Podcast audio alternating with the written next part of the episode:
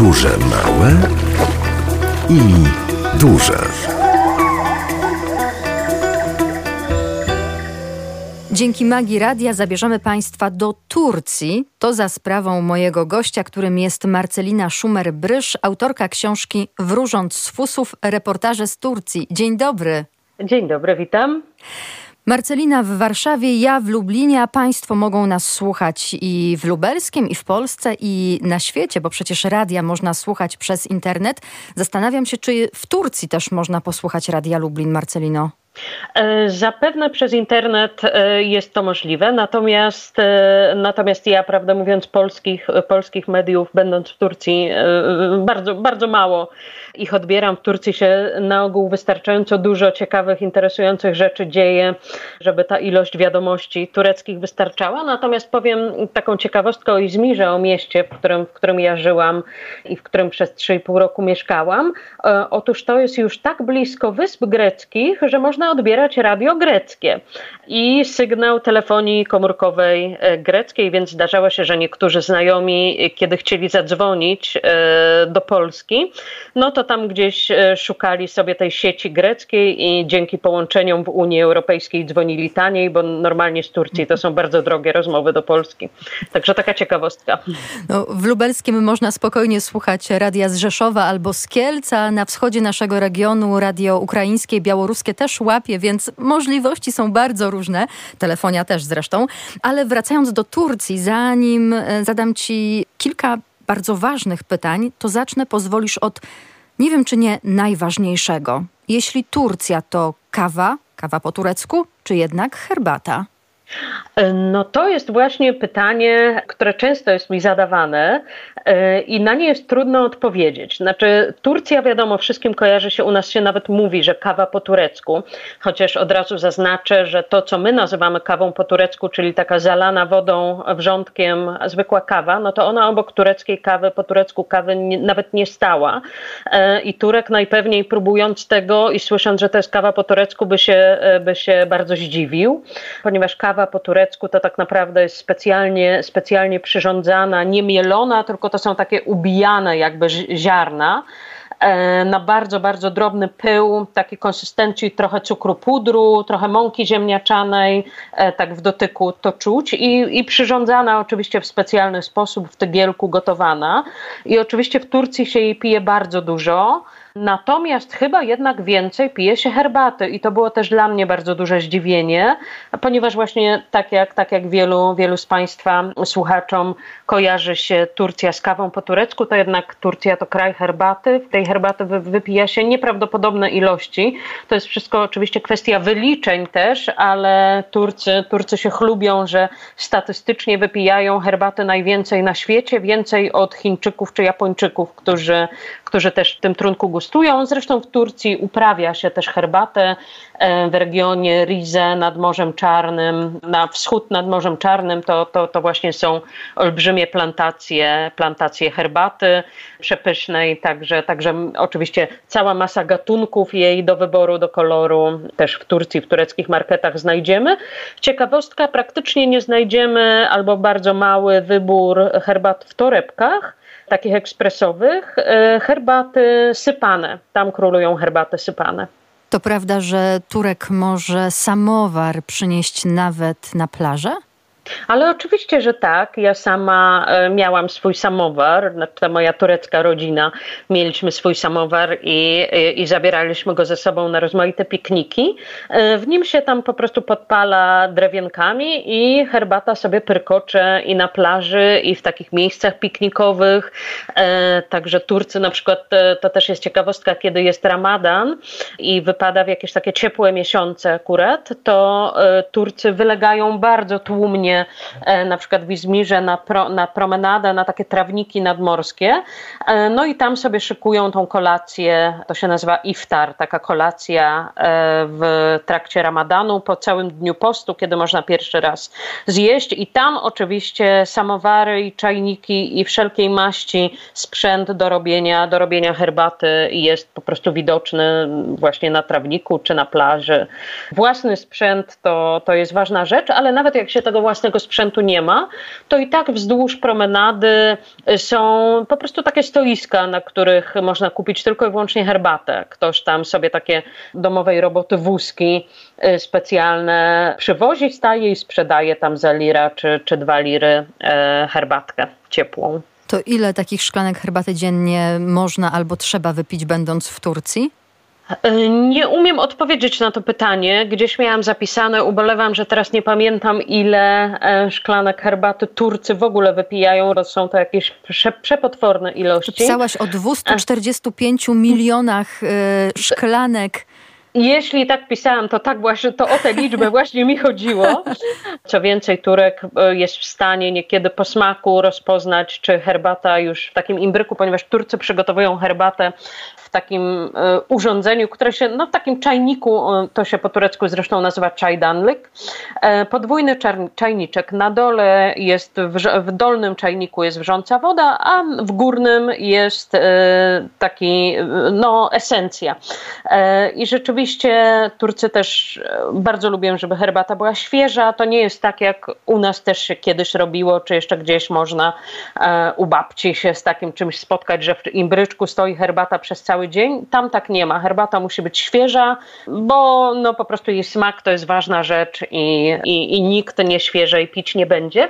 Kolejna ciekawostka jest taka, że na przykład firma, kiedy, kiedy idzie się na jakąś rozmowę, czy w rozmaitych firmach, e, sklepach, Właściciele dzwonią do najbliższej takiej herbaciarni czy do najbliższej knajpki, w której serwowana jest herbata, mają z nimi popodpisywane jakieś tam umowy i e, po chwili, e, po, po takim telefonie, w którym się zamawia odpowiednią ilość herbat, przy, pojawia się jakiś chłopiec, najczęściej młody, dorabiający sobie tacą pełną herbaty dla gości.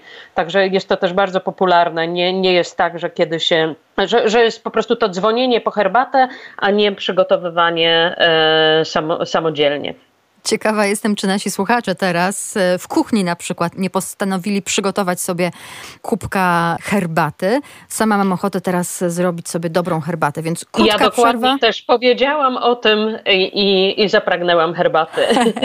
krótka przerwa na muzykę i wracamy do rozmowy. Podróże małe i duże.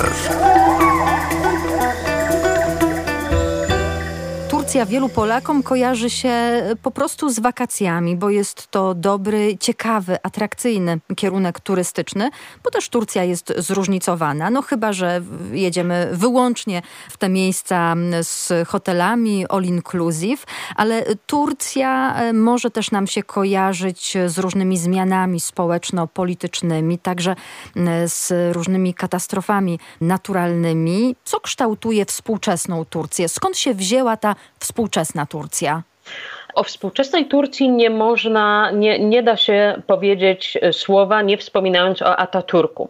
Mustafa Kemal Ataturk to był założyciel świeckiej tureckiej republiki, który, który dokonał, tego, dokonał tych zmian po tym, e, kiedy de facto upadł sułtanat. Ja nie będę tutaj aż tak głęboko wchodzić w te historyczne, historyczne wątki, bo, bo o, tym, o tym można by zrobić oddzielny, oddzielny program. E, natomiast w dużym skrócie, po, po pierwszej wojnie światowej, e, w której Turcja opowiedziała się po stronie Niemiec, a więc de facto była przegranym krajem, sułtan praktycznie stracił możliwość sprawowania władzy. Wciąż jeszcze był, istniała ta funkcja, ale on miał bardzo niewiele do powiedzenia. E, a za, za prawie że rozbiory Turcji czy podział na strefę, na strefę wpływów wzięli się e, Brytyjczycy, Francuzi, Włosi i, i, i, cała, i cała zwycięska Europa. E, I o ile sułtan rad nie rad przystał na, na, na taki stan rzeczy, że Turcja w zasadzie będzie podzielona, mm, no, że, że dojdzie do takich de facto rozbiorów Turcji, ale właśnie Mustafa Kemal Atatürk, młody, młody e, generał, się na to nie zgodził. Generał i bohater narodowy, zwycięzca bardzo, bardzo ważnej bitwy pod Czanakale, pod Gallipoli. I e, on się, on się na to nie zgodził zbrojnie wystąpił przeciwko okupantom. No i, i, i chociaż ta szala zwycięstwa tak się wahała raz z jednej, raz, raz na jedną, raz na drugą stronę, no to ostatecznie właśnie Turcy okazali się zwycięzcy i, i, i pogonili kota Grekom i innym, innym okupantom i, i w ten sposób mniej więcej powstała współczesna e, Republika Turecka i ta, ta którą, którą znamy teraz. E, i zaszło właśnie wtedy bardzo, bardzo wiele zmian, ponieważ, ponieważ Ataturk to był taki postępowiec prawdziwego zdarzenia. E, to on zadecydował o tym, on wprowadził prawo, świeckie, świeckie prawo w miejsce prawa religijnego. E, to wykluczało popularne przecież w kraju wielożeństwo. To dało prawa wyborcze kobietom tureckim bardzo wcześnie. Chyba nie, nie tak wcześnie jak Polkom, ale, ale prawie, prawie mniej więcej w tym samym czasie, o ile się nie mylę, to był 1923 23 e, rok, więc, więc bardzo wcześnie i to sprawiło, że, że, że, że mamy do czynienia z tą, z tą Turcją taką, taką, jaką znamy teraz, czyli taką, w której przyjeżdżając do niektórych miast właściwie nie odczujemy, e, nie, nie poczujemy tego powiewu Orientu, którego byśmy się tak bardzo spodziewali, bo, no bo po prostu dziewczyny tam chodzą ubrane jak chcą, e, kobiety tylko te, które chcą zakrywają włosy, a bardzo wiele tego nie robi i, i tego e, islamu, czy te, tego, czego byśmy się spodziewali, czy tego, czego wielu ludzi się tak bardzo boi, no to właściwie tam nie, nie, nie doświadczymy albo doświadczymy w zupełnie innym stopniu niż byśmy, niż by, niż by się to, nam to wydawało, niż byśmy się tego obawiali. Natomiast mm, Sporo się też w Turcji zmienia w ostatnich latach. Na pewno nasi słuchacze czytali w gazetach albo słyszeli o Recepie Tayyipie Erdoanie. To jest, to jest prezydent e, w tej chwili już Republiki Turcji, a przez wiele, kilka poprzednich kadencji premier, który to on i jego ugrupowanie bardzo mocno zmieniły ten kurs, taki świecki kurs e, republikański na, na takim bardzo mocno związany z islamem, czego, czego tak naprawdę ostatnią, e, ostatnim takim widocznym mm, znakiem było przemianowanie z powrotem Hagia Sofii na meczet. Hagia Sofia była muzeum. Hagia Sofia w Stambule e, była przez wiele, wiele lat od czasów Ataturka muzeum a w minionym roku, w lipcu, o ile się nie mylę, e, z powrotem stała się meczetem i z powrotem odbywają się tam e, modlitwy. No, plus tego jest taki, że w tej chwili wstęp jest darmowy, podczas kiedy bilety, mm, bilety były bardzo drogie, no ale łączyło się to też ze zmianami różnymi, na przykład należało podłogę przykryć dywanem, należało zasłonić mozaiki. Na szczęście oczywiście ich nie zniszczono, tylko, tylko wykorzystano różne kurtyny, jakieś zasłony zasłony czy zaciemnienie, żeby, żeby tych mozaik, których islam, czy przedstawienia postaci, których islam zabrania, się, się nie pojawiały, czy nie było ich widać podczas, podczas modlitw. Także no, to, to, są, to są takie. I oczywiście niektórzy twierdzą, że Recep Tayyip Erdogan zdecydował w ten sposób, zresztą wykorzystując do tego, do tego orzeczenia sądów tureckich, które mu na to pozwoliły, że zrobił to po to, żeby jakoś uaktywnić swój konserwatywny elektorat po tym, jak notował spadki w sondażach i pewnie częściowo tak było, a pewnie częściowo rzeczywiście chodziło o takie no, naprawdę mocno prestiżowe działanie, które, które chrześcijanom na świecie się oczywiście bardzo, bardzo nie spodobało, a e, muzułmanom jak najbardziej. Czyżby Erdoğan chciał być większym bohaterem narodowym niż Ataturk? E, ja czasem mi się wydaje, że jemu już się to, to udało, chociaż oczywiście żaden Turek, e, albo przynajmniej wie, nikt, nikt, z moich tureckich przyjaciół, takich republikanów, e, nie byłoby zadowolonych, kiedy to mówię, ale ja, ja nawet o tym też wspominałam w książce, że w jakimś sensie Erdoğan prześcignął Ataturka, chociażby w latach rządzenia, bo Ataturk no, dość, dość wcześnie to po Republikę ustanowił w 1923, a zmarł rok przed II wojną światową, czyli w 1938 i rządził przez tych kilkanaście lat. Erdoğan rządzi już w tej chwili od 2002 roku, więc prawie, prawie, prawie 20 lat. To jest, to jest naprawdę wynik imponujący, również jak na Turcję, w której wcześniej bardzo szybko i bardzo płynnie się zmieniały rządy, powstawały i znikały partie polityczne, a tu, a tu nagle taki sukces, więc pod pewnymi względami można powiedzieć, że rzeczywiście tutaj już, już Erdoğan Ataturka prze, przegonił. E, natomiast czy przegonił w sercach Turków, tego nie wiem. Na pewno niektórych tak i na pewno niektórzy uważają właśnie jego i jego zmiany, jego ten odwrót w kierunku religii i, i islamu za najlepsze, co mogło spotkać Turcji, Turcję. Inni twierdzą wręcz przeciwnie. No ale na pewno, na pewno i to wszyscy, wszyscy zauważają, że jakieś ciągoty takie do do, do bycia bo, bohaterem czy wodzem narodu e, są. Przy czym trudno powiedzieć, czy rzeczywiście chodzi o wyprzedzenie, e, czy, czy, czy bycie drugim Ataturkiem, czy raczej drugim sułtanem, bo właśnie e, wtedy, kiedy, kiedy mówiłam o tej zmianie, o tym, że Hagia Sofię zmieniono z powrotem w meczet, tam wisiały, w, miasto było, Stambuł było oblepione plakatami czy takimi banerami, na których Erdoğan sąsiadował z Mehmetem Zdobywcą, z sułtanem, który, który podbił Bizancjum i, i, i uczynił Konstantynopol miastem islamskim. Także, także tutaj chyba, chyba bardziej chciałby być sułtanem i i no ma do tego pewne predyspozycje. Czy go lubimy, czy go, czy go nie lubimy, trzeba przyznać, że jest, że jest rzeczywiście politykiem no, poważnym. O Turcji opowiada dziś Marcelina Szumer-Brysz. Do rozmowy wrócimy niebawem. Podróże małe i duże. Mówiąc o Turcji i o religii, to oczywiście będziemy mieć skojarzenia z islamem, chociaż tak jak powiedziałaś też, e, Turcja jest krajem świeckim.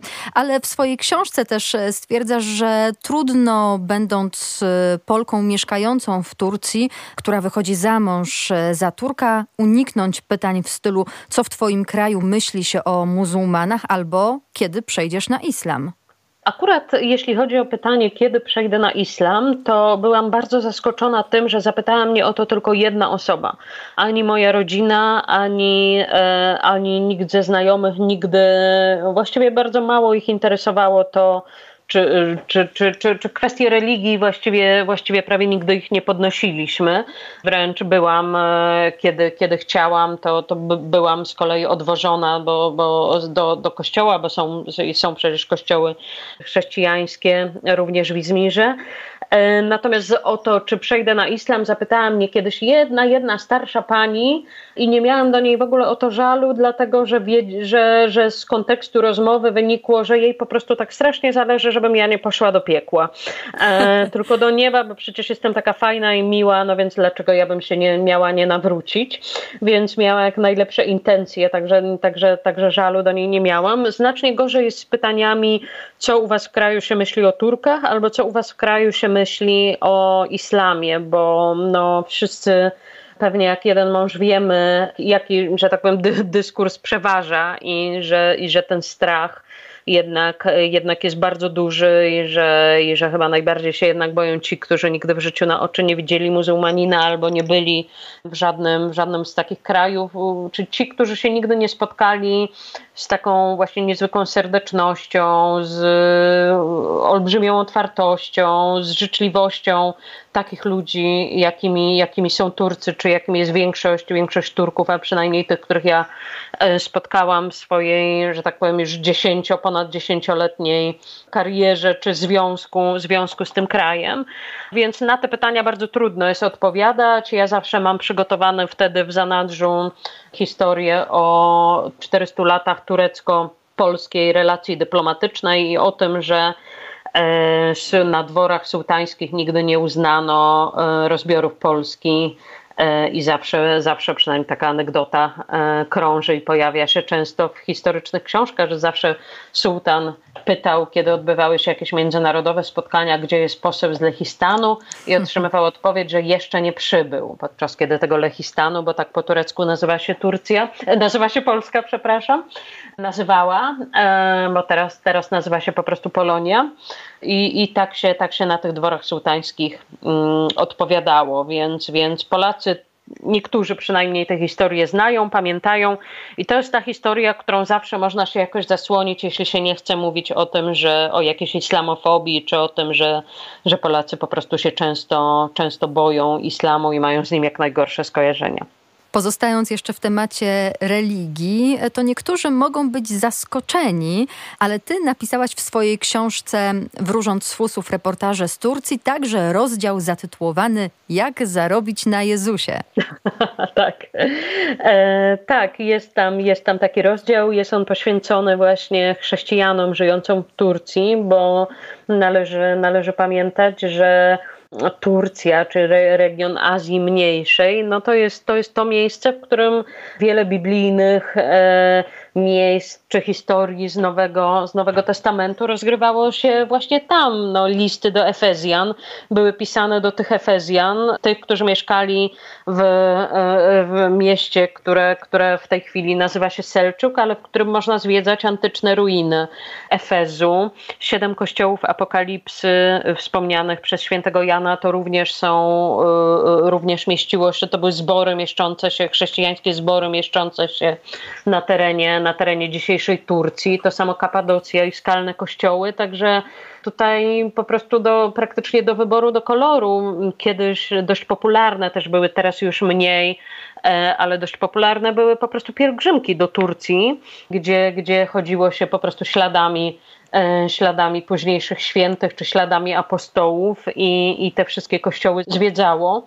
Także, także tego jest naprawdę bardzo dużo. Co ciekawe, ja też to często powtarzam, że odkąd władze w kraju przejęli, e, przejęli konserwatywni religijni muzułmanie.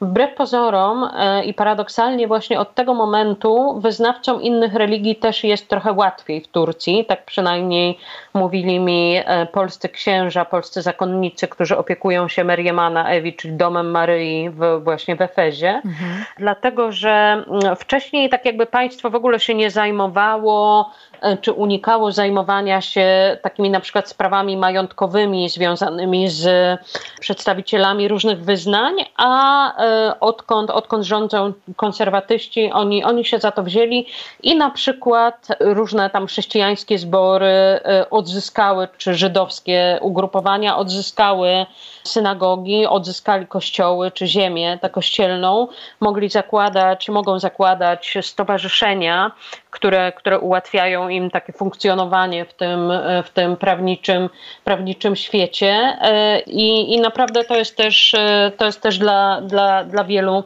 e, duże, duże ułatwienie i, i ta polityka, to, to jest właśnie taki paradoks, że e, ten odwrót e, od świeckości w stronę, w stronę religijności w jakimś sensie pozytywnie wpłynął e, na, na również na przedstawicieli innych religii. No to jest, to jest bardzo, bardzo ciekawe.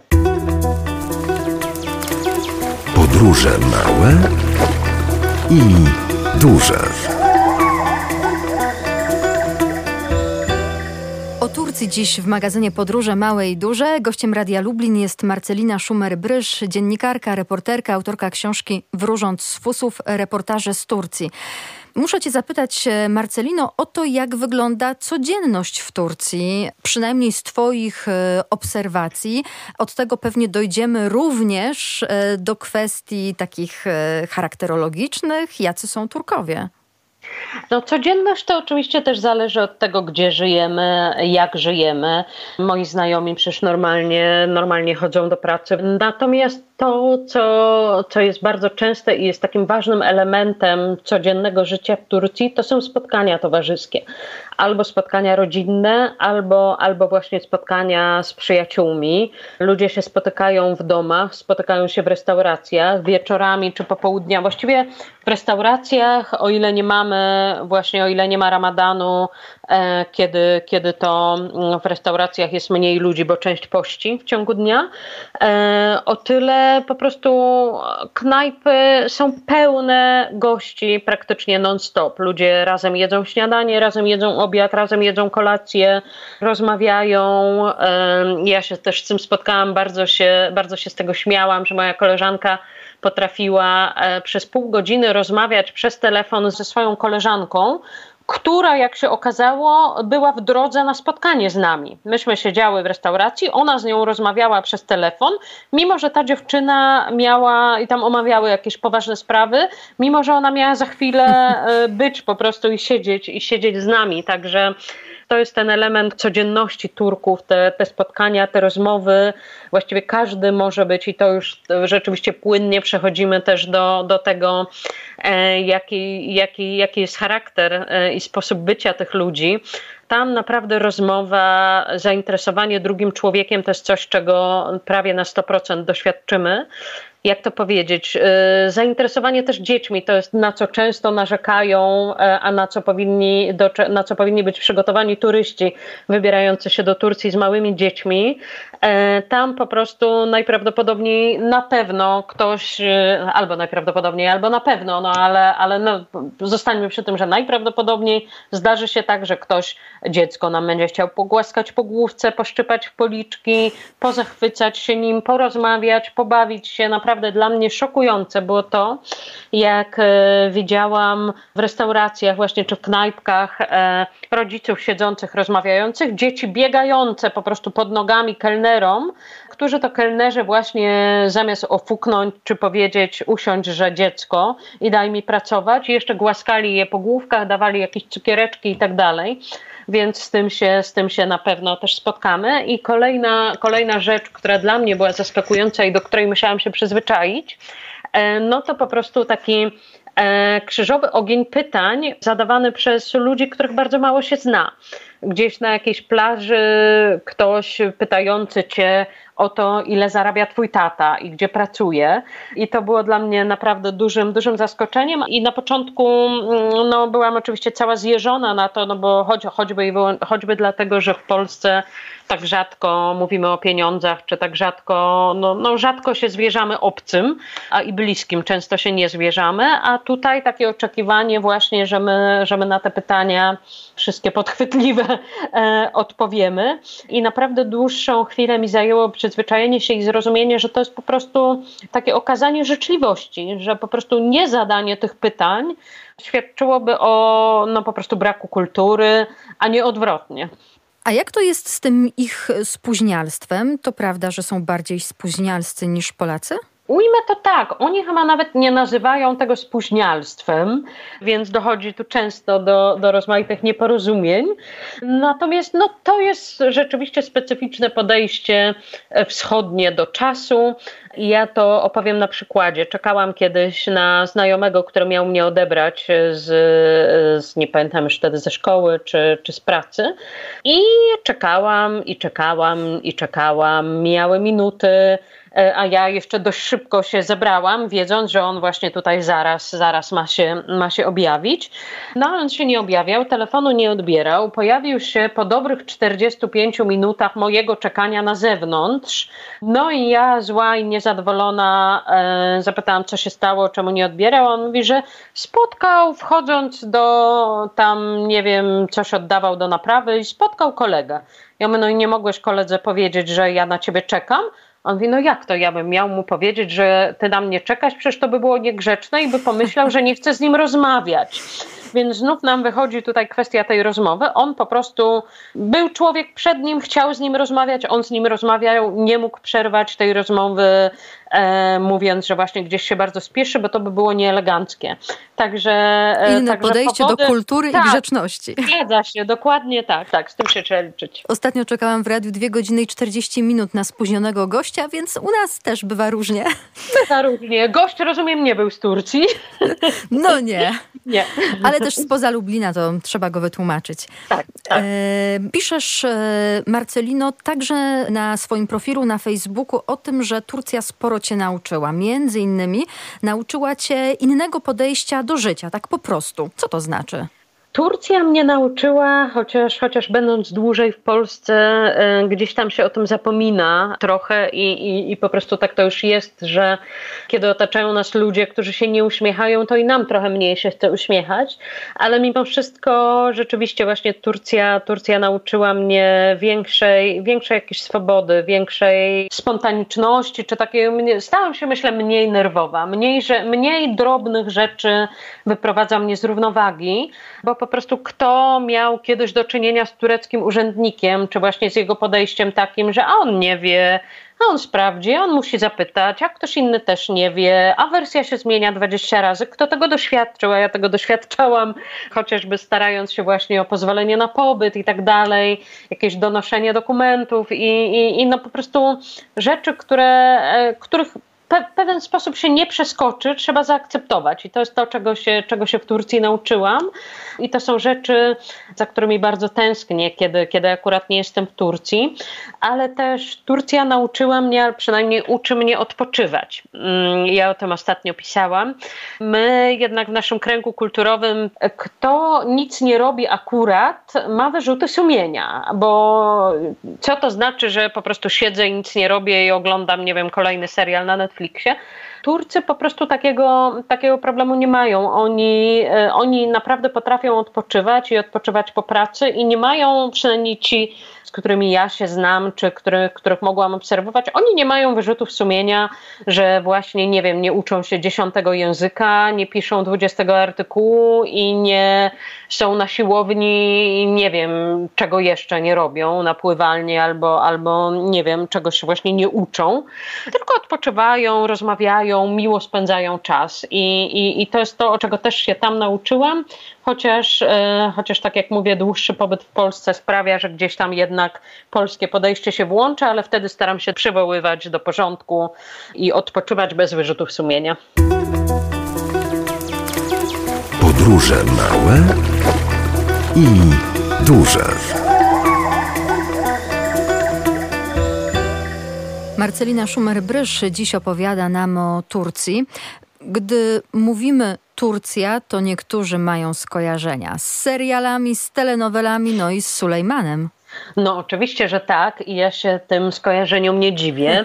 Turcy, to nawet wynika, ostatnio trafiłam na takie, na takie e, badania, z których wynika, że chyba ponad 80 albo i ponad 90% Turków twierdzi, że ich ulubionym sposobem spędzania wolnego czasu jest i przy, przykro mi, że nie radio, ale jest telewizja. I e, że na, no, na ich, ich jakimś tam hobby, czy tym, co lubią robić, jest oglądanie seriali seriali, oczywiście rodzimej produkcji. I tutaj nie można się dziwić, dlatego że Turcy mają tak świetne seriale i mają cudownych aktorów. I to wszystko jest tak dobrze zrobione, co, co przyznają nam na pewno, na pewno nasi słuchacze, przynajmniej ci, którzy są też widzami seriali tureckich. Dla mnie takim przykładem jest moja mama, która nigdy nie oglądała żadnego polskiego serialu, zawsze ją nudziło, czekanie na odcinki ją frustrowało i w ogóle jej to nie, nie interesowało a teraz już chyba trzeci turecki serial e, ogląda z zapartym tchem, czasem mi tam relacjonując, co się akurat w nim dzieje albo co, co ciekawego się wydarzyło. Przy czym właśnie mowa tu o serialach historycznych, nie o tych, które się dzieją współcześnie, ale o tych historycznych, które są naprawdę zrobione bardzo dobrze, z bardzo dużym no, takim rozmachem. Kostiumy, sceneria, sceny batalistyczne. No, nawet e, o ile w Turcji to nie jest dla mnie zaskoczeniem, że seriale oglądają zarówno kobiety, jak i mężczyźni, o tyle wiem, że, że te historyczne seriale tureckie, na przykład w tej chwili jest taki bardzo popularny serial Dirilish Ertuğrul. To jest serial o początkach, o samych początkach państwa osmańskiego.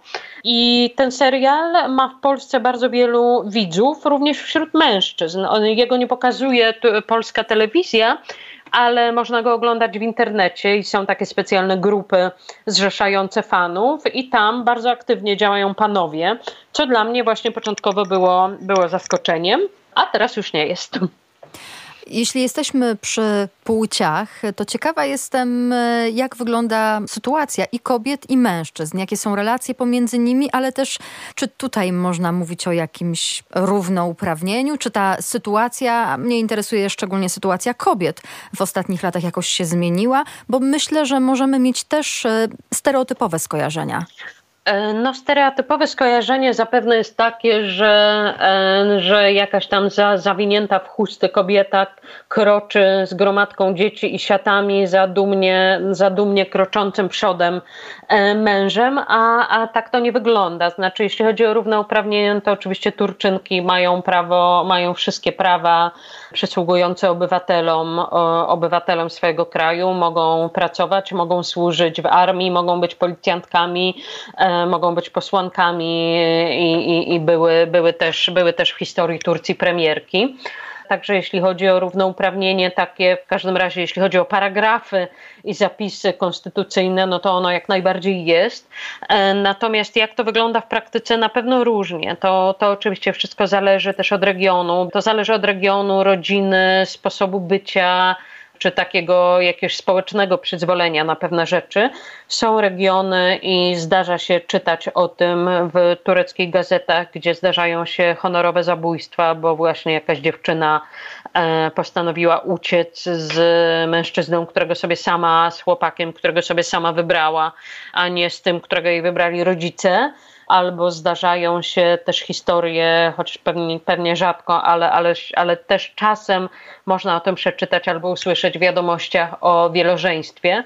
To się zdarza, ale to nie jest regułą. No, natomiast, natomiast jak wyglądają relacje, na pewno różnie i na pewno to zależy od rodziny, bo, bo są rodziny konserwatywne, y, w których po prostu takie kobieta siłą rzeczy bierze na siebie te wszystkie typowo kobiece obowiązki z obsługą dzieci, z obsługą męża i, i, i, i tak dalej. A są takie, które, które po prostu żyją tak jak, e, no nie wiem, najbardziej jakieś wyzwolone czy swobodne rodziny europejskie i ojcowie się też e, aktywnie włączają w takie nie tylko wychowanie dzieci pod tytułem wydawanie rozkazów, ale też e, i się bawią z nimi, troszczą o nie i zmieniają im pieluchy chociaż to pewnie, pewnie trochę rzadziej jeszcze niż u nas, bo, ale były, były, pamiętam, przed kilku laty rządowe kampanie, które miały właśnie za zadanie pokazać mężczyznom, jak to fajnie jest dzielić z żoną czy z kobietą, e, najczęściej żoną, dzielić się opieką nad dziećmi i takim, takim właśnie byciem takim ojcem, nie tylko taką figurą ojca, który tutaj, nie wiem, daje pieniądze i wydaje rozkazy, tylko takim tatą, tatą, który właśnie się będzie i bawił, i zajmował, i te pieluchy zmieniał, i mlekiem, i mlekiem karmił. Więc no są, są i takie, i takie rodziny. Natomiast mam też, znam przykłady, mam koleżankę, która rozwiodła się z, ze swoim tureckim mężem, dlatego że on i, i, mnie, i mnie, jak czytelnicy, ci, którzy czytali moją książkę, to czytałaś, więc wiesz, wiedzą, mnie podobna historia spotkała, że rozwiodła się dlatego, że nie była w stanie znieść po prostu codziennych wizyt e, matki swojego męża, a on nie był w stanie matce tak jakby odmówić, e, bo, bo to nie elegancko. W związku z tym codziennie, codziennie mieli mamę na głowie i dla niej to było po prostu nie do, dla niego to było nie do przejścia powiedzieć mamie, że nie, dla niej to było nie do przejścia znosić te codzienne wizyty, ale z kolei w innych rodzinach to w ogóle nie stanowi problemu i tak po prostu jest, więc to też zależy od, od tego, jacy ci ludzie są, skąd są, z, z czego, z czego wyrośli. Także, także A naprawdę w Turcji bardzo, są dowcipy bardzo o teściowych? E, nie spotkałam wielu, ale nie, nie jestem sobie w stanie przypomnieć w tej chwili żadnych, ale na pewno są. Na pewno są. nie tak popularne jak u nas, ale Turcy generalnie mają wspaniałe poczucie humoru i bardzo lubią się śmiać. Oczywiście nie przepadają za śmianiem się z siebie, chętniej z innych e, i tutaj na przykład z dystansem do siebie u tureckich mężczyzn jest bardzo trudno o to i tutaj trzeba, trzeba uważać na żarty, bo e, Turcy, tak jak mówię, mają, mają poczucie humoru i wspaniałe, ale żartów na swój temat, no to już nie za bardzo. Zresztą chyba Polacy, chyba Polacy tak samo, także jesteśmy podobni pod tym względem, nie tylko pod tym, pod wieloma, pod wieloma względami jednak, jednak jakieś, tam, jakieś tam podobieństwa widać. Podróże małe i duże.